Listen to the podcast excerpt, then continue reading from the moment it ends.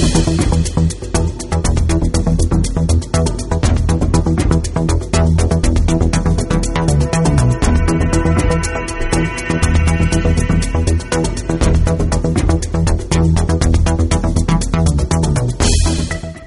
Avui continuem amb les entrevistes electorals que estem fent aquesta setmana i encara en farem algunes la setmana que ve. Als caps de llista a la demarcació de Tarragona de les diferents formacions que actualment tenen representació parlamentària i que concorren a la cita electoral del 27 de setembre. Avui és el torn del cap de llista del Partit dels Socialistes de Catalunya, eh, Carles Castillo. Carles, benvingut. Eh, hem de parlar, hem de començar parlant eh, de com està funcionant eh, aquesta campanya. Eh, queden nou dies només ja eh, per acudir a les urnes. Són unes eleccions que per un gruix important de la societat catalana eh, s'entenen en clau eh, plebiscitària sobre la independència de Catalunya. El Partit dels Socialistes de Catalunya, com és conegut, discrepa d'aquest caràcter plebiscitari. Com, com les està afrontant? Bueno, per nosaltres no són unes eleccions plebiscitàries, però sí són unes eleccions molt, molt importants, bàsiques, vitals, perquè realment si, si s'aconsegueix una hipotètica majoria eh, independentista doncs eh, ens portaran al conflicte polític més gran des de la transició espanyola. I això és el que estem nosaltres explicant i realment el que ens juguem en aquestes eleccions també, a banda d'aquest tema de la independència, és escollir les persones i els principis i, les, i els programes de les polítiques que es faran a partir del dia 28. D'això també estem parlant. No? Per molt que es comenci a aplicar aquest hipotètic full de ruta, estem parlant d'un any, d'un any i mig, i el que diem nosaltres, aquest any o any i mig, qui governarà, com governarà, quines polítiques aplicarà, quines propostes tenen. De moment no hem sentit res. Veiem, i com que això és ràdio, eh, els oients no ho poden veure, eh, Carles Castillo porta eh, a la solapa de l'americana ah. un pin amb la, amb la bandera mm, de la República Espanyola. Suposem que això és una declaració de principis, eh? Totalment, totalment. Nosaltres jo crec que connectem amb una, amb una sèrie de persones que van lluitar durant aquesta etapa i jo que amb aquesta gent, a més no és és a dir, seria, seria diguem-ne una falsedat si només m'ho posés a la campanya electoral qui em coneix sap perfectament que sempre m'he declarat republicà i ho he portat moltíssimes vegades abans de la campanya. Per tant és una declaració d'intencions i és una mostra de respecte cap a aquestes persones que van lluitar i que ens van ser una mostra de lluita per nosaltres. Uh, Carles Castillo és advocat i sobretot conegut conegut eh, perquè va ser regidor de l'equip de govern socialista a l'Ajuntament de Tarragona eh, i ha estat elegit eh, candidat després d'un procés de primàries. Vostè va reclamar unes primàries obertes, finalment van ser eh, les diferents agrupacions locals les que mm -hmm. es mhm. van a, anar pronunciant. Eh, com valora eh, aquest procés d'elecció i la renovació que ha significat que vostè encapçali aquesta candidatura? Bueno, hi havia moltes ganes de canvi entre la gent de base i aquesta mena de primàries pues, el que va fer és posar de manifest aquestes ganes de canvi. La gent va votar i majoritàriament van escollir la, la meva candidatura. I ja dic que el que intentem representar és un nou socialisme que ha après dels errors i el que volem és que se'ns doni una oportunitat precisament per aquesta renovació que hem fet no només del cap de llista sinó tota la llista volem una oportunitat i volem demostrar que hem après dels, dels errors, que volem estar lluitant per la gent, que volem estar al costat fins i tot físicament d'aquelles persones que pateixen, que no ens agraden les declaracions grandiloquents només, sinó que volem estar, ja dic, pell en pell amb les persones que pateixen doncs, per intentar que deixin de patir o que pateixin menys. Aquests dies anem coneixent, perquè vostès ho van desgranant de manera sectorial alguns punts de, del seu programa, aquesta mateixa setmana eh, coneixíem un nou informe de conjuntura econòmica que elabora la URB cada, tri, cada trimestre per encàrrec uh -huh. de les cambres de comerç del territori i venien a dir que una de les conclusions era que eh, el creixement econòmic en aquests moments està limitat per les eh, dificultats de crear nova ocupació i especialment ocupació de qualitat, perquè en aquests moments les contractacions són excessivament temporals a casa nostra. En aquesta matèria, per generar nova ocupació al Camp de Tarragona, què proposen? Bueno, nosaltres proposem, per exemple, una sèrie de mesures urgents dedicades a tres col·lectius principals, els majors de 45 anys, els joves i els aturats de, de llarga durada. Cadascú, diguem-ne, que té unes peculiaritats i el que proposem, per exemple, és una priorització absoluta amb les accions formatives que formin part d'una borsa de treball prioritària on els primers llocs de treball que, que arribin siguin per a aquestes persones i sobretot, sobretot aquelles persones de més de 45 anys que tinguin tinguin càrregues familiars, que tinguin nens i nenes, que comencin des del minut 1 a cobrar eh, el salari mínim interprofessional que els permeti viure amb dignitat mentre, ja dic, fan aquestes accions formatives o esperen buscant eh, de manera activa treball. Però abans de, de, fins i tot de trobar de manera activa treball, aquestes persones han de poder cobrar per viure amb dignitat. No pot ser que tinguem 15.000 famílies a les comarques tarragonines vivint de l'aire i passant malament i, i vivint, vivint diguem-ne, buscant-se la vida al dia a dia. No? Hem de tallar aquesta situació d'emergència social i hem d'ajudar aquestes persones que estan en una situació especialment eh, fotuda. Ens parles... Aquesta, perdona, aquesta és l'absoluta la, prioritat i no, no entenem que, que mentre això estigui passant ens embolcallem amb la bandera i estiguem parlant de colors de banderes. No, no ho podem entendre.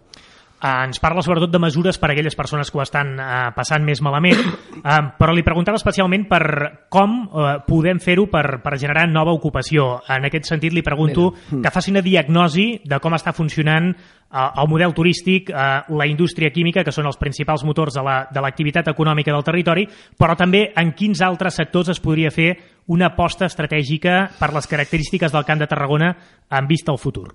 Bueno, està clar, indústria i turisme són les dues potes de, de la locomotora que es tiren d'aquest territori, però, a veure, si tu estàs parlant de, de, de treball de qualitat, estàs parlant d'indústria, per exemple. I nosaltres el que creiem és que s'ha de fer una transició estratègica cap a una indústria verda.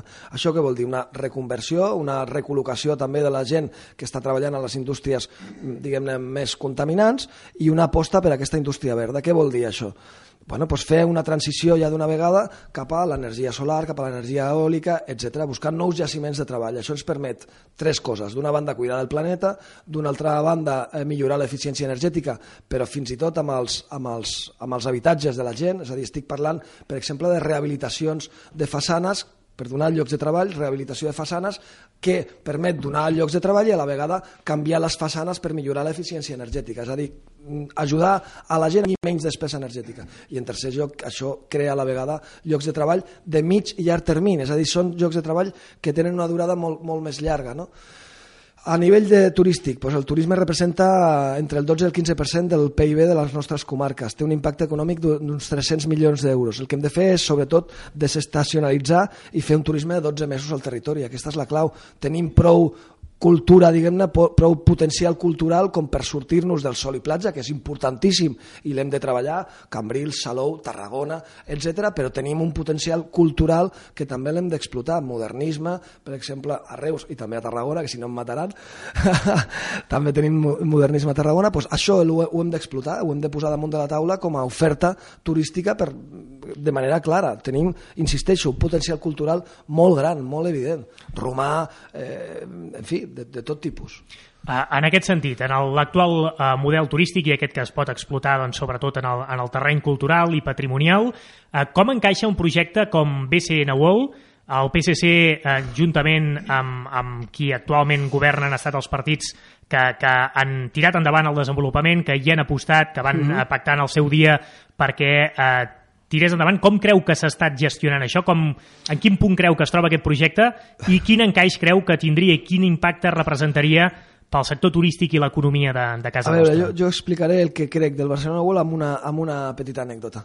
Jo eh, tenia molts dubtes amb el Barcelona World com a model fins i tot urbanístic, etc. Per mi representava un model pues, el model que hem d'acabar tancant i que hem de tendir cap a una altra cosa diferent. Però jo era regidor del barri de Camp Clar, quan estava a l'Ajuntament de Tarragona.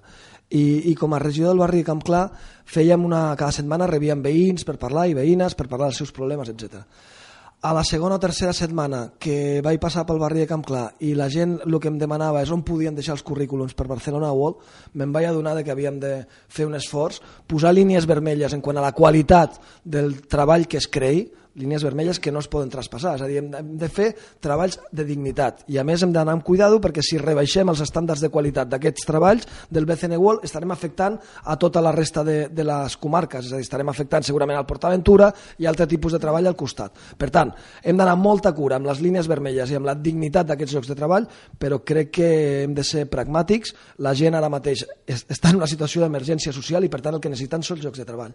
I jo crec que és una, és una bona aposta en aquest sentit línies vermelles també en el terreny urbanístic?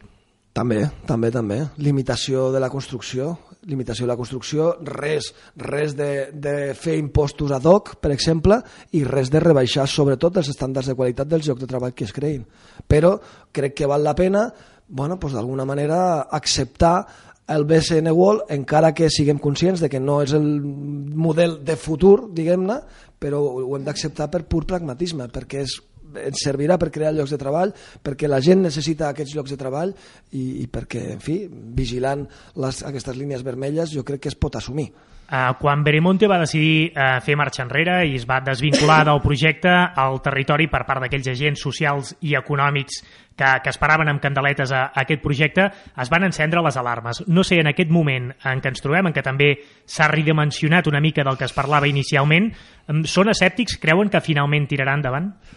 Bueno, no, no ho sé, perquè, per exemple, la candidatura de Junts pel Sí, que és una de les que sembla que té moltes possibilitats de, de governar, pues no, no tenen clar això. Per exemple, l'altre dia estaven discutint el senyor Romeva, candidat de Barcelona, amb el senyor Bel, candidat de, de Tarragona. Un deia que sí, l'altre deia que no. Per tant, jo començo a pensar que està en perill i, i em fa una certa por, diguem-ne, aquesta situació d'indefinició que tenen, però bé, tampoc m'estranya perquè va amb la indefinició que estan tenint cap a totes les qüestions. No? No, no, no hi ha un programa damunt de la taula i aquest és un altre tema que jo crec que no saben què fer. Aquesta barreja que hi ha de, de dreta i suposadament esquerra en aquesta candidatura pues, fa que no tinguin clares aquestes coses. Uh, parlem d'un altre gran projecte important uh, per les terres del, del Camp de Tarragona. Estem parlant de Tarragona 2017. El finançament encara no està resolt per la manca de compromís fins a dia d'avui eh, compromís econòmic eh, per part de, de l'estat espanyol, eh, per part del govern. Um, en aquest sentit, eh, quina valoració fan d'aquest projecte? Un projecte que a l'Ajuntament de Tarragona, per exemple, han vist com hi ha alguns partits, eh, ara feia referència també quan parlava de BCN UOL, que tenen un posicionament eh, diferent sobre Tarragona 2017 al Parlament que a l'Ajuntament de Tarragona. No? Eh, quina lectura fa de, de tot plegat? Bueno, jo crec que, que a, a banda de les incoherències aquestes que apuntaves, jo crec que hi ha una falta d'intel·ligència col·lectiva amb aquest, respecte a aquest projecte, en el sentit de que uh, l'Estat, en aquests moments, i precisament al mig d'aquest conflicte que estem ficats amb aquestes eleccions uh, autonòmiques, pues jo crec que l'Estat hauria d'aprofitar per fer una mostra de carinyo cap a Catalunya. Uh, aquests jocs al final representen a Catalunya i representaran a Espanya no entenc que no, que no facin aquesta aposta per demostrar aquest carinyo, aquest carinyo a Catalunya, no ho entenc. I després també hi ha una oportunitat molt bona amb tota la crisi que hi ha de refugiats doncs, de llançar un missatge de pau eh, i d'exemple de pau des de la Mediterrània a través dels Jocs del Mediterrani. Jo crec que és una bona eh, oportunitat que tenim. Per tant, bueno, a mi m'agradaria que aquest projecte sortís endavant sense cap problema, però tenim molts problemes per culpa d'aquesta manca d'aposta, sobretot de l'Estat, perquè la Generalitat en aquest cas s'ha de dir clar i rotund que sí que han apostat. Per tant, no sé, però no, no, repeteixo, no ho entenc, perquè amb la situació que hi ha, jo crec que estratègicament seria un bon, un bon punt, un bon lloc per demostrar aquesta aposta de, de carinyo cap a Catalunya i no, i no acaben de veure. Un projecte d'aquestes característiques, a banda del que representa l'esdeveniment en el moment que es fa, eh, bàsicament es desenvolupen perquè deixin un llegat a la ciutat, al territori. Mm. En aquest sentit, eh, quin pensen que serà el principal llegat de Tarragona 2017? Bueno, hi haurà una xarxa de voluntariats per començar. Jo crec que el més important és la gent. Uh, hi haurà una xarxa de voluntariats que després pues, bueno, potser es poden eh, utilitzar en el bon sentit per fer algunes coses que la ciutat necessiti i després algunes de les infraestructures, no totes, perquè algunes hauran de ser, pel que he llegit eh, últimament, desmuntables i tal, però algunes de les infraestructures doncs, serviran i quedaran per la ciutadania, sobretot a nivell esportiu. Bueno, això ja és positiu, servirà també per urbanitzar una, una zona que ara mateix no està urbanitzada, és, és un mas robat, eh, entre, entre dos barris, per tant, hem d'intentar cosir els, els barris a, a Tarragona, que sempre han estat tradicionalment molt allunyats per la forma de créixer, ens servirà també per cosir part dels barris. Bueno, jo crec que, que és molt interessant per Tarragona, a banda de que, bueno, pues si es fa bé, si l'Estat realment aposta, eh, serà una aposta conjunta entre l'Estat, la Generalitat de Catalunya, home, pot ser un bon, uh, un bon no em surt la paraula, un bon escaparat, un bon escaparat un aparador, de, sí. un bon aparador, perdó, de, de Catalunya, de Tarragona i, i d'Espanya, no? cap al món o com a mínim cap a la Mediterrània. Mm -hmm. Hem de parlar també, malauradament, novament de la Nacional 340, ha sortit en campanya, però aquest ja és un tema en recurrent, que sí. no resol. Hem hagut de lamentar en els últims dies novament morts eh, en aquesta carretera, en la majoria dels casos amb camions implicats. Sí. Per part del PSC, eh, quina solució creuen que seria la més immediata per evitar més morts eh, en, aquesta, en aquesta part del territori? Jo crec que immediatament fer la gratuïtat de l'autopista com a mínim per a aquests eh, vehicles de, de gran tonatge, de, per camions, diguem-ne, però immediatament, és a dir, no podem seguir posant els diners per davant de les persones. Com tu dius, a la Mella, tota aquella zona morgent, però és que també al Baix Penedès, a la zona del Baix Penedès, ha passat el mateix. També hi ha una gran concentració d'accidents amb molts camions implicats jo crec que ja d'una punyetera vegada eh, hem de plantejar-nos seriosament la gratuïtat de l'autopista. En tot cas, nosaltres batallarem, però, però amb molta força. Vull dir, si ens hem de posar durs, ens, ens posarem durs, perquè no podem seguir posant els diners per davant de les persones. I és una de les situacions més clares. Però no només de la Nacional 340, és que si parlem de mobilitat en general, a tot el camp de Tarragona i les Terres de l'Ebre, les, ter les Terres de l'Ebre estan tancant estacions de tren. És a dir, cada vegada estan més aïllats de la resta de Catalunya aquí hi ha, aquí hi ha també com a, com a dos Catalunyes en aquest sentit. No? Estem de, el sur també existe, no? que, es, que es deia abans. Pues, eh, I en aquest cas, tant Tarragona com Terres de l'Ebre. No? Estem a la, a la mateixa situació d'oblit, de manca d'inversions, a la cua de Catalunya, etc. I el tema de la mobilitat és un tema absolutament sagnant a tota la, a tota la província, tant a comarques tarragonines com a Terres de l'Ebre. Aquests dies, precisament parlant de mobilitat, aquesta setmana mateix ha entrat en funcionament una nova línia de bus express que connecta les ciutats de, de Tarragona i Reus. Els primers dies sembla ser que hi ha hagut queixes dels usuaris perquè no acaba de ser del tot express. No sé quin balanç en fan i també deixin que li pregunti per Rodalies, ara que ja fa, que ja, ja fa més una mica d'un any que, que està en funcionament que va unit, anava a dir, ja estan preparant eh, deixar de fer el servei per Rodalia, segurament, quan estan intentant donar el servei per autobús. Jo crec que s'ha de fer una aposta, això és una bola de neu que s'ha d'anar fent gran, i jo crec que una de les qüestions bàsiques, perquè el territori nostre, la segona àrea metropolitana de Catalunya, a veure si ens ho creiem d'una punyetera vegada. La segona àrea metropolitana de Catalunya. Pues un dels elements principals és la mobilitat i la mobilitat per tren és, és, un, és una de les estratègies més clares perquè per, per, per tema ecològic, per tema de rapidesa, per, per competència amb el transport privat, etc etc. Tu amb l'autobús pues, lament... nosaltres tenim una proposta que ara l'explicaré, però lamentablement ara mateix no pots competir amb el vehicle privat perquè no pots assegurar doncs, un tem uns temps de recorregut, etc. Tot això ho fas amb el tren. I encara que posat el tren ara de moment no tinguis èxit, jo crec que això és una bola de neu que anirà creixent, però la mobilitat és absolutament essencial pel creixement d'aquesta àrea metropolitana. La relació entre pobles, entre ciutats, entre nosaltres és, és absolutament essencial per poder créixer l'economia. És absolutament essencial. La proposta, perdona, la proposta amb el tema de l'autobús que tenim nosaltres és, si recordem allò del tramcamp que es va parlar en el seu moment, el tramvia, que ara mateix no és possible pel tema econòmic, eh, no ho hem d'abandonar a llarg termini, però el tramvia el que és és un vehicle que va per una plataforma reservada.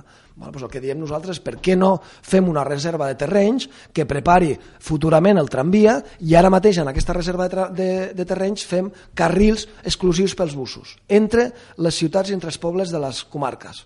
Jo crec que això eh, ajudaria a competir al transport públic amb el, amb el vehicle privat, li donaria una rapidesa, uns temps de trajecte al, a l'autobús que ara mateix no podem aconseguir i a més, insisteixo, reservaria aquests terrenys pel futur plantejar-nos tenir el tramcamp o el, o el tramvia lleuger.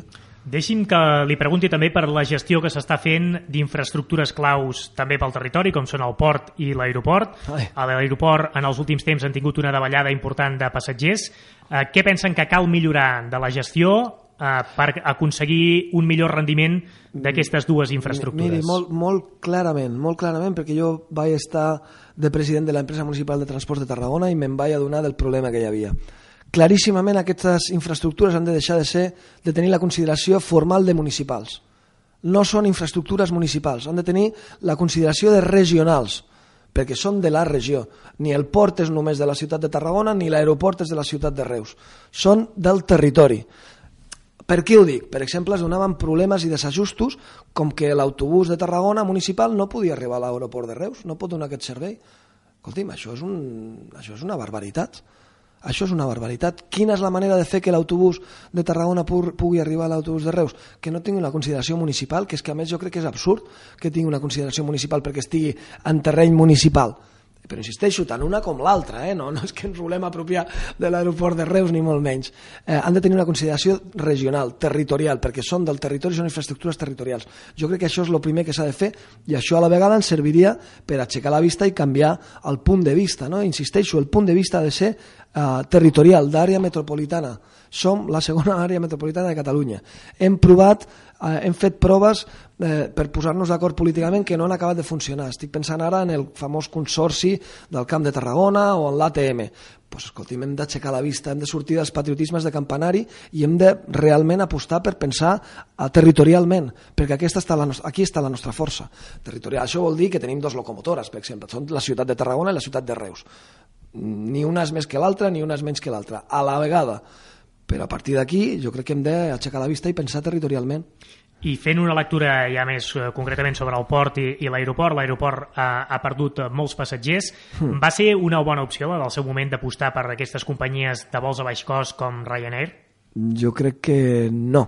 Jo crec que va ser una mena de... Vam entrar en una mena de xantatge. Ho hem de fer, però d'altra manera al final qui manaven eren ells i qui manegaven el tema eren ells posant diners l'administració pública. Jo crec que el sistema no era aquest l'adequat, jo crec que hem de buscar un altre sistema. Està clar que al final t'has d'apropar aquestes companyies que són les que donen el servei, però s'ha de fer d'altra manera, és a dir, jo no, des de l'administració pública no podem permetre un xantatge per part d'empreses privades, perquè nosaltres representem el territori, representem la ciutadania eh, que tenim al territori. No podem deixar-nos xantatjar ja, això ha quedat molt raro, xantear, ho diré en xarnego, no podem deixar-nos per una empresa privada. Per tant, eh, jo crec que hem de buscar altres, altres fórmules i altres apostes o apostar per altres companyies d'altre tipus. El seu company de partit, eh, Francesc Vallès, diputat al Congrés de Madrid, va presentar fins i tot una iniciativa en mhm. comissió mm -hmm. que va prosperar, eh, per cert, per unanimitat, que proposava que l'aeroport de Reus pogués fer també un aeroport de càrrega, un aeroport eh, logístic. Uh, en aquest sentit, això va prosperar en una comissió del Congrés, però és d'aquelles coses que prosperen, ja, ja però després uh, no s'ha fet uh, res més. Uh, entenen que seria també una bona opció, entenc, eh? que, que sí. no fos només un aeroport uh, sí. de passatgers. Sí, sí, sí, d'aquesta manera incrementes el volum d'activitat i és un cercle, sí, sí, és la bola de neu que deia abans, sí, sí, a mi em sembla molt bé, és una bona idea.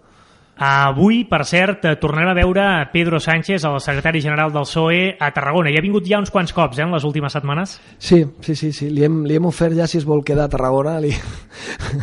sí, és, eh, bueno, jo crec que està fent una aposta en, a, en aquesta campanya i, i a mi em sembla molt bé. Des d'ara i fins al divendres que ve, eh, que són els últims dies eh, de campanya, perquè dissabte és el, el dia de reflexió, tot i que no sé si en el format actual això d'un dia de reflexió encaixa gaire o, o ja queda una està, mica... Està una mica antiquat, queda això. una mica obsolet. Um, des d'ara i fins divendres, uh, al, al marge doncs, de trepitjar territori, reunir-se amb agents socials, culturals, econòmics, eh, etc. Eh, hi haurà algun altre acte de gran format del Partit dels Socialistes aquí al Camp de Tarragona? Eh, tenim la, la, diguem el comiat de la campanya, tenim l'acte de final de campanya, eh, el farem amb, a la capsa de música de Tarragona, amb algun grup de música local, amb una cosa moderneta, diguem-ne, i allà tancarem campanya. Aquest és l'acte l'acte més gran que tenim. A Reus, a Reus també hi ha, a Reus també hi ha un acte, perdoneu. Dia i hora? Amb el Ximo Puig. Ximo Puig, el president de la, de la Generalitat Valenciana. El president de la Generalitat Valenciana, que és una de les apostes de la campanya per demostrar que sí que hi ha algú federalista a l'altra banda, a l'altra banda de Catalunya, no?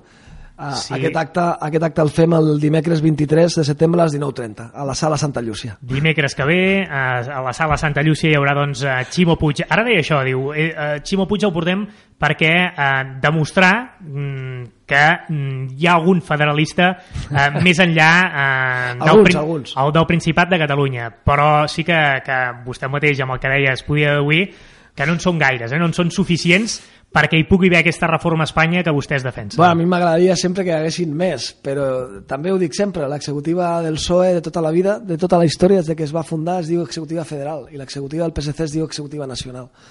Per tant, bueno, cada vegada tenim més companys que ens acompanyen, m'agradaria tenir molts més, però déu nhi el que està passant i el que està canviant. És a dir, no té res a veure amb la situació de fa 10 anys, per exemple. Tenim un govern progressista a País Valencià, tenim un govern progressista a les Illes Balears, tenim un govern progressista a l'Aragó, entre d'altres, ho dic per, per parlar dels que estan al voltant nostre de Catalunya, i aquests governs són absolutament proclius a, a posar-se de, en una taula, asseure's en una taula i parlar d'un futur estat plurinacional. Per tant, és l'aposta que hem de fer Uh, deixi'm que li pregunti, uh, perquè vostès, el Partit dels Socialistes de Catalunya, sempre han estat un partit que ha defensat l'autogovern de Catalunya i incrementar-lo. Uh, en aquest sentit, ara que hi ha aquest procés d'independència uh, sobre la taula, um, per què s'hauria de posar límits a, a l'autogovern, vostès que en són partidaris? Per què s'haurien de posar límits a l'autogovern? No entenc la pregunta. És a dir, el màxim autogovern seria tenir un estat propi, entenc. Bueno, però perquè comporta una sèrie de conseqüències negatives i una sèrie de riscos que nosaltres no volem assumir, però entre d'altres, sobretot, a mi m'uneixen llaços sentimentals amb la resta de pobles d'Espanya que no vull trencar. Ma mare és de Cartagena, mon pare és de Motril, jo vaig néixer a Tarragona i jo considero que tinc tres terres i estic molt orgullós de tenir tres terres. Estic molt orgullós d'Andalusia, de la que estic absolutament enamorat, estic molt orgullós de Cartagena, que m'encanta i anem totes les vacances, i naturalment estic molt orgullós de la meva principal terra, que és Catalunya i Tarragona. Per què de descollir... entén, entén que aquests llaços es trencarien amb la independència de Catalunya? Home, jo crec que sens dubte, és que és absurd pensar que farem una desconnexió festiva i que la resta de pobles d'Espanya ens aplaudiran i ens, ens faran gracietes quan, ens, quan desconnectem, quan pretenguem desconnectar d'ells. És que la reacció no serà positiva, serà una reacció negativa. No podem pretendre mantenir bona relació de veïnatge si estem apostant per, una, per un trencament amb, amb, aquesta, amb aquests pobles. És que és, és de calaix. Per tant, jo crec que al final sí que és un, ens estan fent escollir. I jo crec que és una riquesa considerar que tens tres terres o dos terres més que una, igual que és una riquesa parlar dos idiomes i no només un és la visió de Carles Castillo del procés que, que està vivint Catalunya en aquests moments. El 27 de setembre veurem què passa.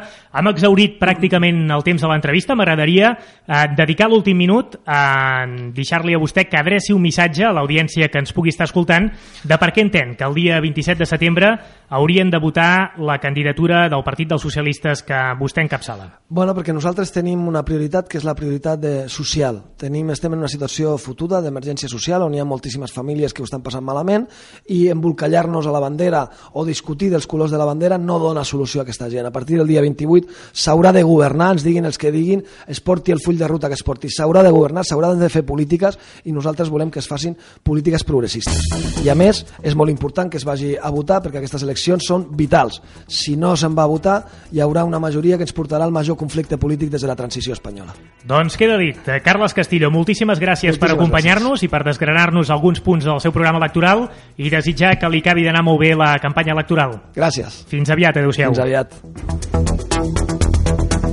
I els oients que sàpiguen que dilluns en tornarem a iniciar a aquestes entrevistes electorals. En aquest cas serà el torn d'Alejandro Fernández, el cap de llista del Partit Popular.